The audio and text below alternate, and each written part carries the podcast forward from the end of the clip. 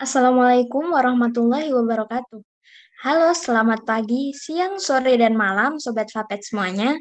Selamat datang kembali di podcast Halo Adkesma, bincang inspiratif bersama mahasiswa berprestasi.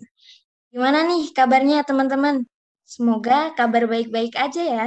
Dan jangan lupa selalu terapkan 5M.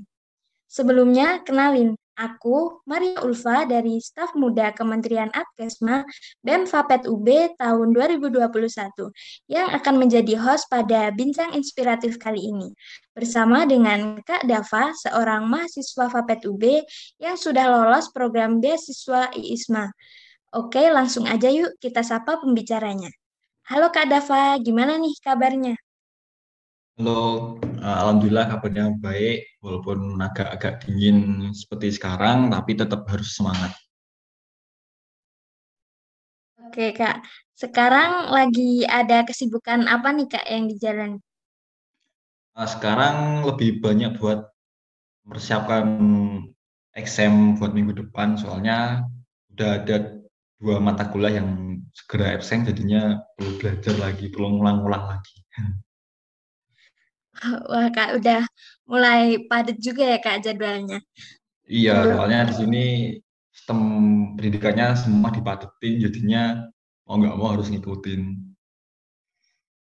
Oke Kak, langsung aja ya kita mulai. Mungkin dari teman-teman ada nih yang belum tahu apa itu program ISMA. Bisa dikasih tahu nggak ya Kak, apa program ISMA ini? Uh, Oke, okay. mengenai program ISMA ini uh, enaknya aku mau cerita dulu aja ya dari awal aku ngerti program ISMA ini. Jadi sekitaran bulan Mei, belasan Mei, tanggal belasan Mei itu aku mulai ada ketertarikan buat mencoba exchange ke luar negeri karena saat itu aku ngerasa uh, udah mau skripsi, udah mau tugas akhir, tapi kok sepertinya kehidupan kuliah-kuliah kehidupan kuliahku tuh kok seperti ini seperti ini aja. Masih belum ada suatu lompatan besar gitu. Jadinya saat itu aku mulai mulai cari-cari info mengenai exchange dan akhirnya ketemu nih exchange dari Instagramnya UB official itu deh kalau nggak salah mengenai program ISMA ini dan dan ISMA ini juga ada relasinya ada berrelasi dengan kampus Merdeka. Jadinya nah ini program bagus ini, program yang bakal dibayar pemerintah karena udah ada logo LPDP-nya di situ. Setelah itu aku ngelakuin riset sendiri, riset sendiri di laman kampus Merdeka dan akhirnya nemu ISMA ini apa. Jadi ISMA ini kepanjangannya Indonesian International Student Mobility Awards atau Mobilitas Internasional Mahasiswa Indonesia. Di mana nantinya oleh pemerintah Indo akan dikirimkan ke berbagai univ di seluruh dunia yang terdiri dari 28 negara, 60 universitas dunia yang udah ya, yang udah rankingnya udah bagus-bagus. Dan nantinya di sana kita akan studi selama satu semester di masing-masing negara ataupun di univ. Dan di sana untuk pilihan kuliahnya udah disediain oleh oleh LPDP sama oleh ISMA nantinya komponen beasiswa ini meliputi ada tuition fee atau biaya kuliah satu semester, ada biaya transport dari Indonesia ke negara tujuan, dan juga tiket PP yang pasti tiket PP, kemudian ada uang bulanan, lalu ada asuransi kesehatan, terus ada biaya pembuatan visa, lalu ada tes PCR pulang pergi. Kemudian selain di sana untuk belajar, kita juga bakal dapat kesempatan untuk belajar mengenai bahasa, culture, sama kita bisa membuat relasi internasional di sana. Kemudian untuk kuliah di sana sih eh, lebih banyak kita ditekankan untuk kuliah non linear dengan jurusan kita karena namanya juga kampus merdeka ya kan tapi Eh, banyak dijumpai oleh teman-teman aku. Eh, mereka banyak yang memilih jurusan yang linear dengan jurusan yang ada di Indonesia. Itu sih. Oke Kak, jadi uh, kalau kita lagi bosan nih, terus ngerasa uh, kehidupan kampus gitu-gitu aja, ternyata uh, buka-buka sosmed gitu juga bakalan ada manfaat yang uh, kita sebelumnya nggak sangka-sangka gitu ya Kak. Iya, yang pasti kalau membuka sosmed kita perlu ada sesuatu, perlu ada beberapa akun yang akun yang kita pantengin, wajib pantengin buat ya mungkin untuk self development kita ya, terutama skill kita dalam bahasa Inggris itu yang perlu kita tingkatin karena dengan bahasa Inggris kita juga pastinya bisa mengerti, kita bisa menjadi manusia yang global, manusia yang peduli akan perkembangan zaman gitu sih. Ya Kak, jadi di sosmed selain kita bisa uh, follow teman-teman kita ataupun uh, idola-idola kita, kita bisa follow akun-akun yang uh, bisa ngembangin potensi dari diri kita. Uh, mungkin sebelumnya nih Kak, sebelum lanjut ke pembahasan yang lebih mendalam, aku mau tanya nih Kak, kalau boleh tahu Kak Dava ini udah pernah jalan-jalan ke mana aja ya Kak? Wow, jalan-jalan. Sebenarnya kalau bisa soal jalan-jalan itu malah jadi proporsi kuliahnya agak berkurang. Jadi 50-50 atau 60-40 60 jalan-jalan 40 persen kuliah. Jadinya soal jalan-jalan eh, aku sih lebih sekarang lebih suka buat nyelesain beberapa kota yang di Italia yang belum aku kunjungin ya eh, terutama di Roma, Firenze ataupun Napoli.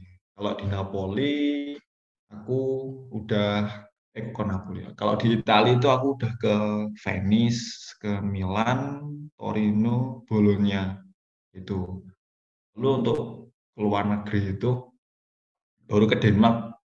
Denmark kemarin buat nonton Thomas Supercup selama tiga hari. Itu. Uh, jadi uh, bisa dapat uh, manfaat lain juga ya Kak ikut program ini uh, kita juga bisa sekalian jalan-jalan ke kota yang pernah uh, belum pernah kita kunjungi sebelumnya gitu Kak. Ya betul apalagi di Italia Italia yang terkenal karena Romawi, romans, arsitektur, romans sculpture dan sebagainya itu enggak itu bakal uh, apa itu akan kesalahan besar kalau enggak ngunjungin kota-kota Renaissance Renaissance itu. Sama di Firenze itu itu terkenal karena Renaissance City, Renaissance Town, jadinya rugi kalau nggak ke sana. iya nih kak, rugi banget ya. Jadi udah jauh-jauh ke Italia, tapi kita cuman uh, mungkin ke kampus doang, cuman buat belajar, pasti bakal rugi banget nih. Eh, ngomong-ngomong uh, tentang persyaratan nih kak, Kira-kira apa aja sih yang perlu kita siapin buat ikut program ISMA ini? Apakah ada persyaratan khusus, Kak? Hmm, yang pasti kalau soal persyaratan saat itu aku ada dua dua tipe dua dua section seleksi ya. Yang pertama itu ada pemberkasan, terus yang kedua ada interview selama pemberkasan itu aku nyiapin beberapa komponen yaitu ada IPK, kemudian ada uh, nilai tes bahasa Inggris yang didapat dari TOEFL, LTS ataupun Duolingo. Lalu ada kemudian ada esai. Soal IPK nanti IPK yang pasti minimal 3,0 kemudian mengenai tes TOEFL, tes bahasa Inggris, itu saat itu aku ada tiga, tiga tipe tes yang diperbolehkan. Yang pertama ada TOEFL, TOEFL IPT atau IPT, kemudian ada IELTS, lalu ada Duolingo. Uh, untuk TOEFL IPT yang skornya itu minimal harus 50 itu minimal. Kemudian kalau TOEFL IPT yang nanti ada writing, reading atau ada berapa itu kalau nggak salah itu tiap-tiap kampus ada minimal skornya dan kita harus harus pas skor itu biar bisa qualified. Kemudian untuk IELTS, IELTS itu tiap kampus yang ada di Asia, Eropa, Amerika itu beda-beda. Tapi semua kampus menerima hasil tes IELTS. Tapi minimal itu uh, skornya kalau nggak salah enam setengah sampai tujuh setengah kalau nggak salah. Itu yang perlu kita kita dapat skor segitu. Kemudian untuk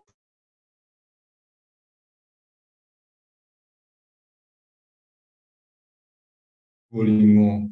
Duolingo itu baru aja dengar mengenai Duolingo English Test itu.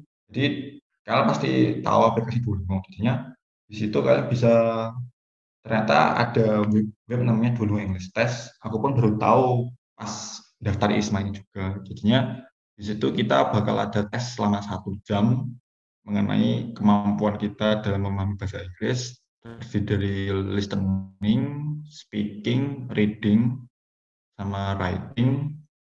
Di situ kita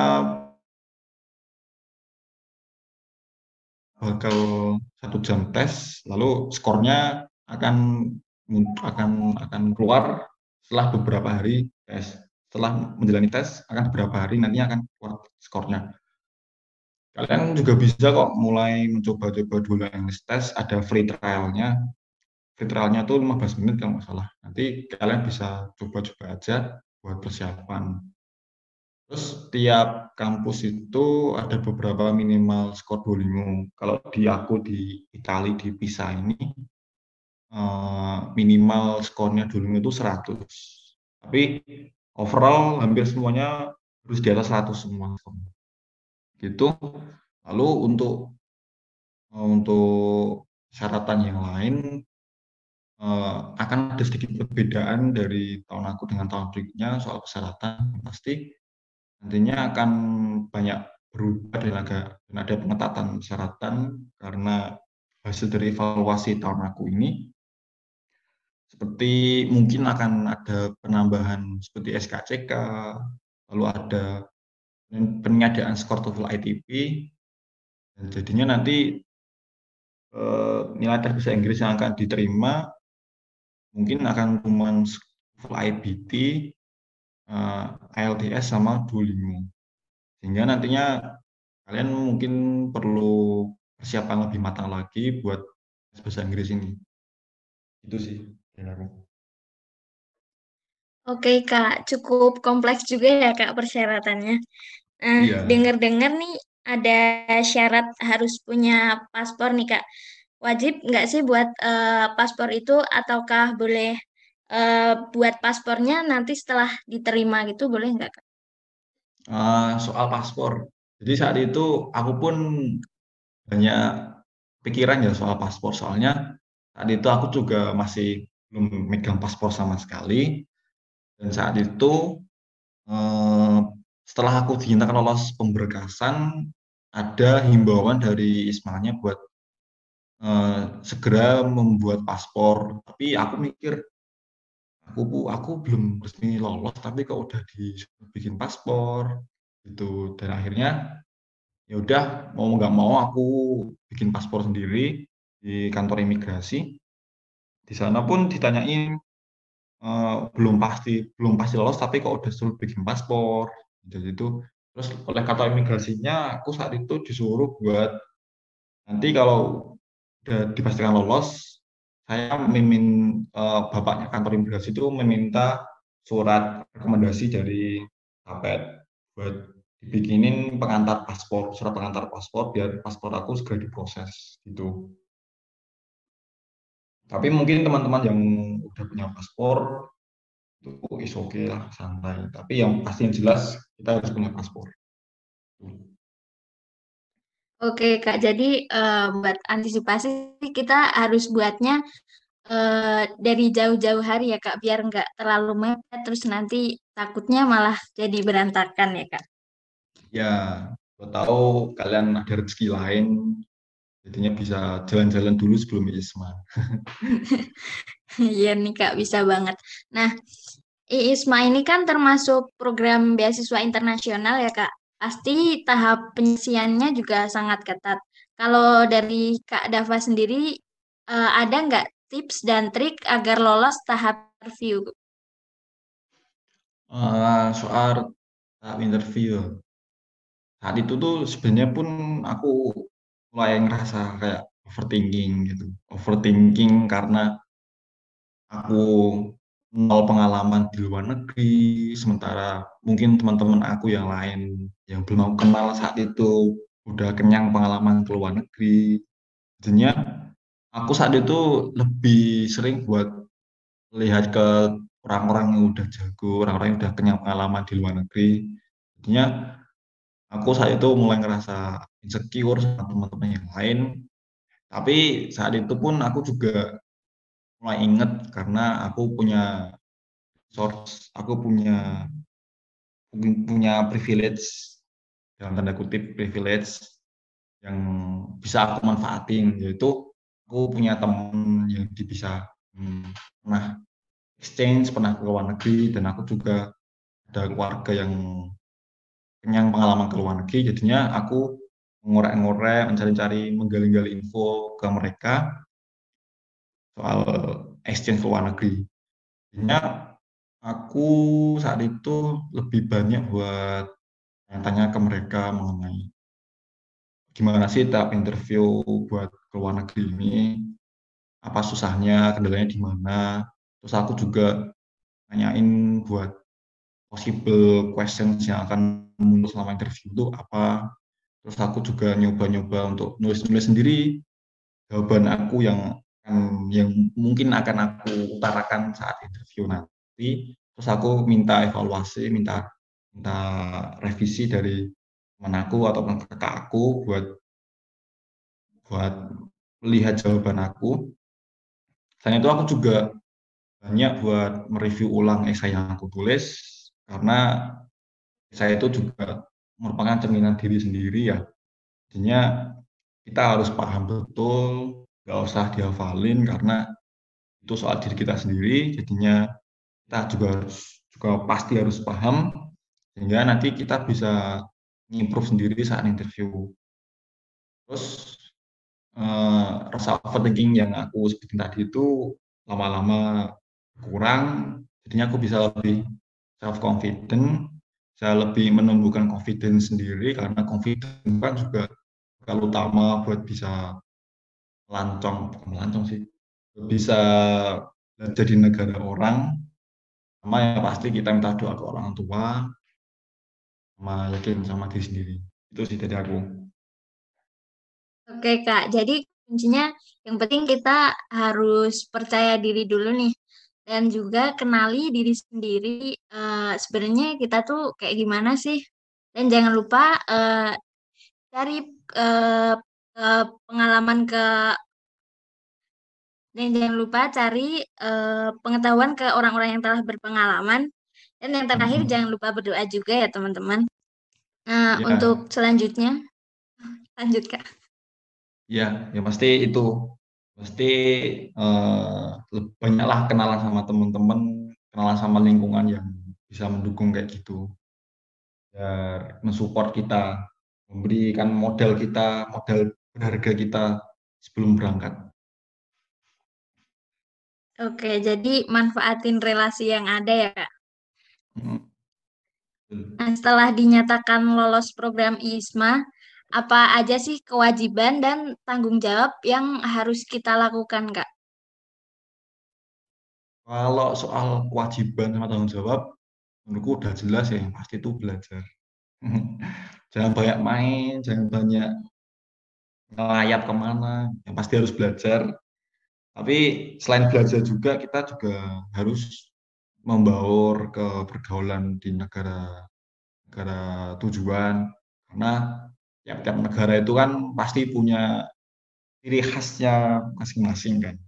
Terutama apalagi kalau di Italia sini, di Italia sini itu kenal dengan negara yang cukup ramah, apalagi kalau di Italia Selatan di bagian Roma, di bagian Napoli, kata Sisili, Bari itu. Kalau kalau, kalau kalian tahu ya, itu itu itu mereka kenal sangat-sangat ramah, hangat sesuai dengan iklimnya karena iklimnya di Italia Selatan itu kan cukup hangat, jadinya orang-orangnya pun ngikutin iklim itu hangat. Berbanding terbalik sama yang ada di utara sini, di Italia utara sini.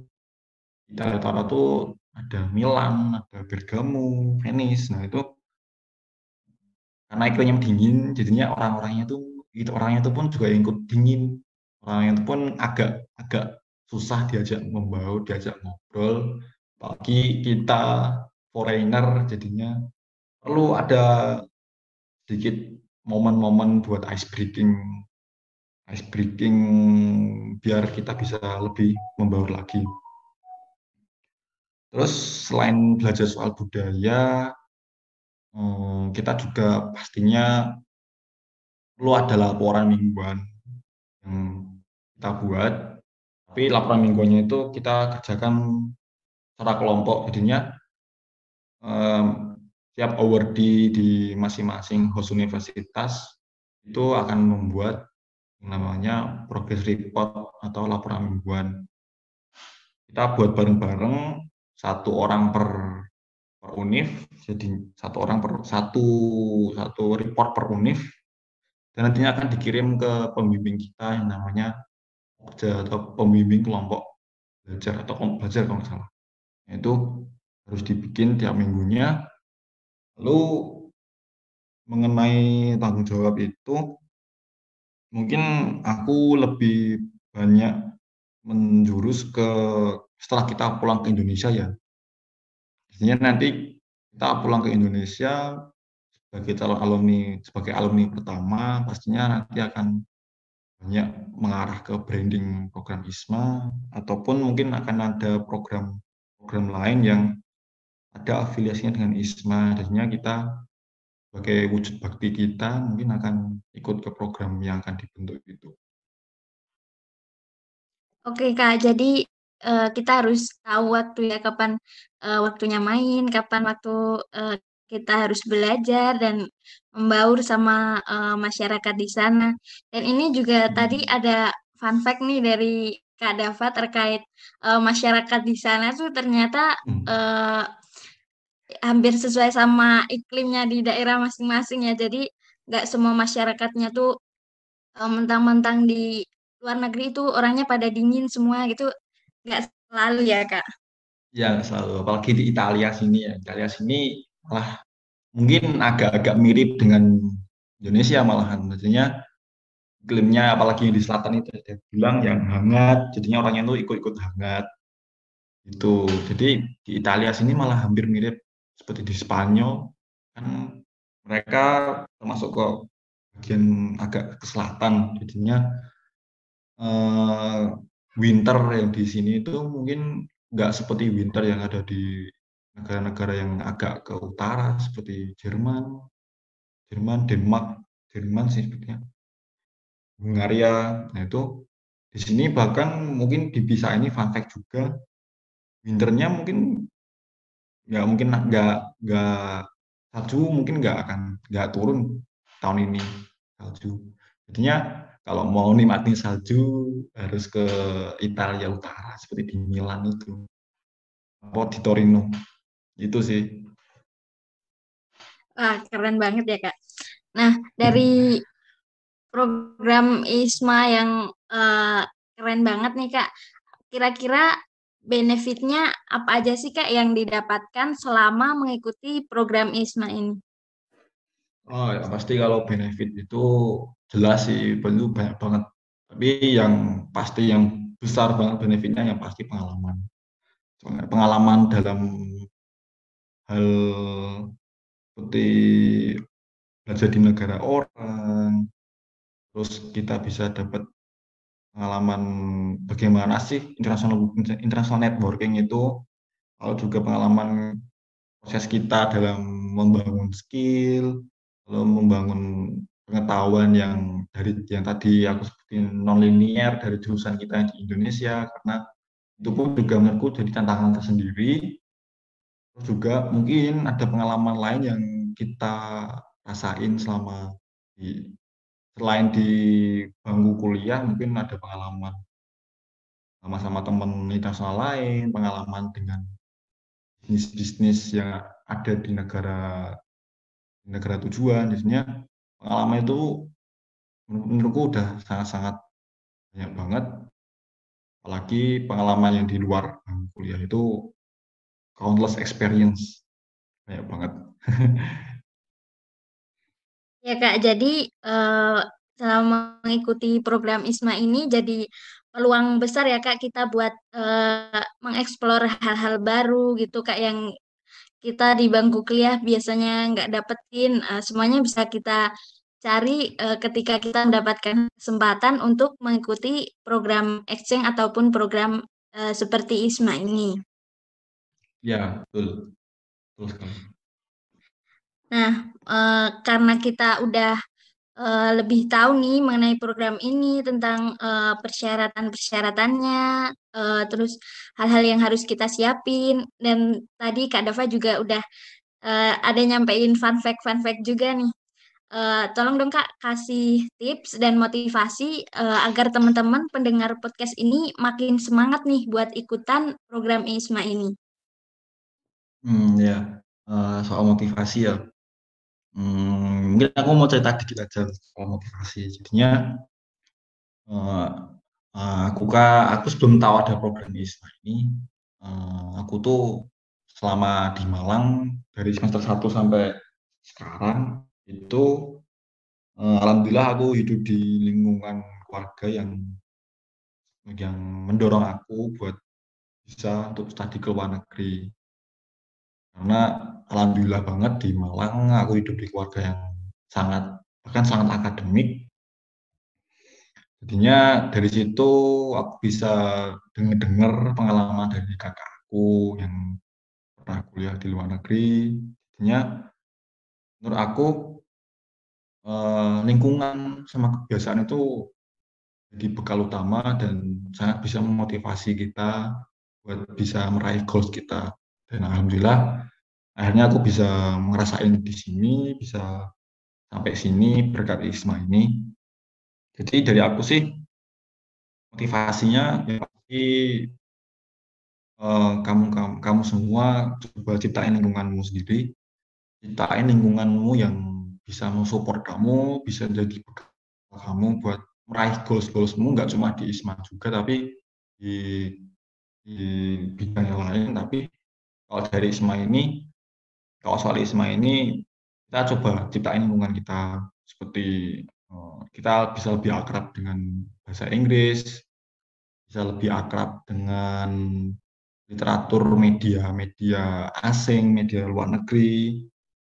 Jadinya kita bisa lebih meningkatkan awareness kita, bisa lebih menjadi lebih menjadi global mengenai mengenai kehidupan di dunia ini karena kita masyarakat global ya. Intinya kita mau nggak mau harus ngikutin zaman.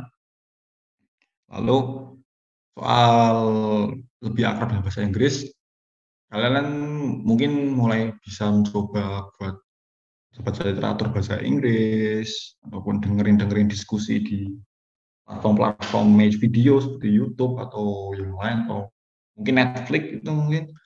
Jadinya kita bisa lebih paham bagaimana mereka berkomunikasi, bagaimana mereka menyampaikan pendapatnya. Juga mungkin ini yang sekarang sekarang aku coba tumbuhkan ya yaitu menulis menulis dalam bahasa Inggris. Itu itu menurutku mungkin mungkin sepele tapi menurutku itu sangat-sangat bermanfaat banget. Dan, dan jangan lupa buat kita berdoa ke orang tua, minta doa restu. Terus yang pasti kita percaya diri, percaya sama diri sendiri, nggak perlu melihat ke atas, dan yang pasti kita mau berproses dari nol, mau karena hasil yang akan kita dapatkan itu tidak secara langsung akan datang ke kita, tapi perlahan-lahan nanti akan hasilnya. Itu sih dari. Oke Kak, jadi uh, pasti kan sulit karena bahasa Inggris kan termasuk uh, bahasa kedua ya Kak bagi kita. Jadi uh, biar lebih mudah untuk uh, mengikuti program exchange ataupun mengikuti program ISMA ini, mungkin dari teman-teman bisa mulai dari habit-habit uh, kecil kebiasaan hari-hari kita biasain pakai bahasa Inggris gitu ya Kak. Ya.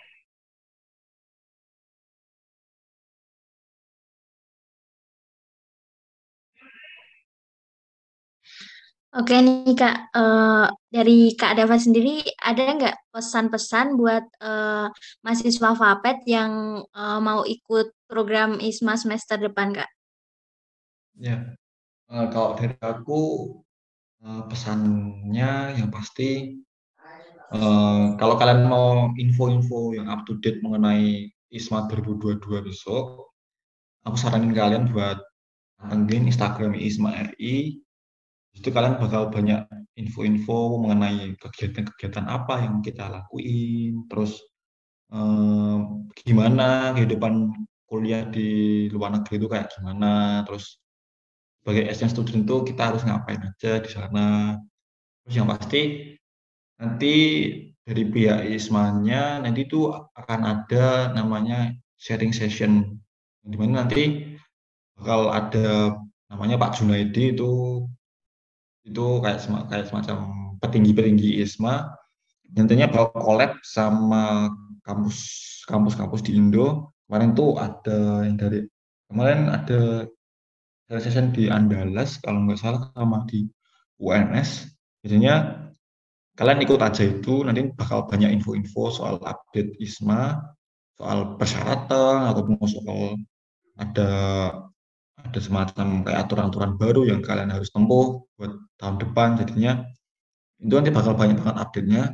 Terus sama lagi sama itu tahun depan itu bakal ada bakal ada adjustment buat semester yang boleh ikut. Jadinya semester yang boleh ikut tuh semester 4 sampai 6 yang awalnya tahun aku tuh semester 5 sampai 7 mulai besok bakal jadi semester 4 sampai 6 Itu kesempatan buat kalian buat sedini mungkin bisa bisa ngerasain experience di luar negeri, kuliah di luar negeri gitu. Terus selanjutnya kalau dari aku sendiri mulailah kalian semua buat aktif cari informasi mengenai negara tujuan kalian melalui Instagram Instagram PPI. PPI itu Perhimpunan Pelajar Indonesia yang ada di luar negeri. Jadinya eh, mungkin setelah kalian tahu negara-negara tujuannya di ISMA itu di mana aja, kan bisa banget cari informasi mengenai PPI yang ada di negara itu kayak, kayak di aku ini PPI PPI Pisa Ponte di Rasena lalu nanti pun ada juga PPI yang ada di Roma PPI yang ada di Padova negara lain pun juga bakal banyak PPI PPI negara lain PPI di PPI di Belanda pun ada PPI di Hungari itu ada jadinya. Bakal banyak banget. Dan nanti kalian mungkin bakal dapat info soal gimana sih kehidupan kampus di sana selain dari Instagram Ismail tadi ya. Gimana sih kehidupan kampus di sana terus cara kita survive di sana tuh gimana terus eh, metode ujian yang dipakai di negara tujuan tuh kayak gimana. Mungkin kalian bisa banget kayak Instagramnya ataupun kalian bisa DM langsung ke Instagramnya PPI PPI itu itu dari aku Oke Kak, jadi uh, udah paket komplit banget nih ya Kak uh, buat uh, stok-stok Instagram ISMA sama Instagram PPI ini. Nanti bakalan dapat informasi-informasi uh, terbaru terkait uh, program ISMA ataupun uh, exchange gitu Kak. Ya, betul. Oke, terima kasih banyak kepada Dava uh, atas ketersediaan waktunya untuk sharing ilmu dan pengalaman. Dan terima kasih juga kepada teman-teman yang udah mendengarkan podcast kali ini. Aku, Maria Ulfa, selaku host pada podcast kali ini, pamit undur diri dan sampai jumpa di podcast selanjutnya. See you. Wassalamualaikum warahmatullahi wabarakatuh.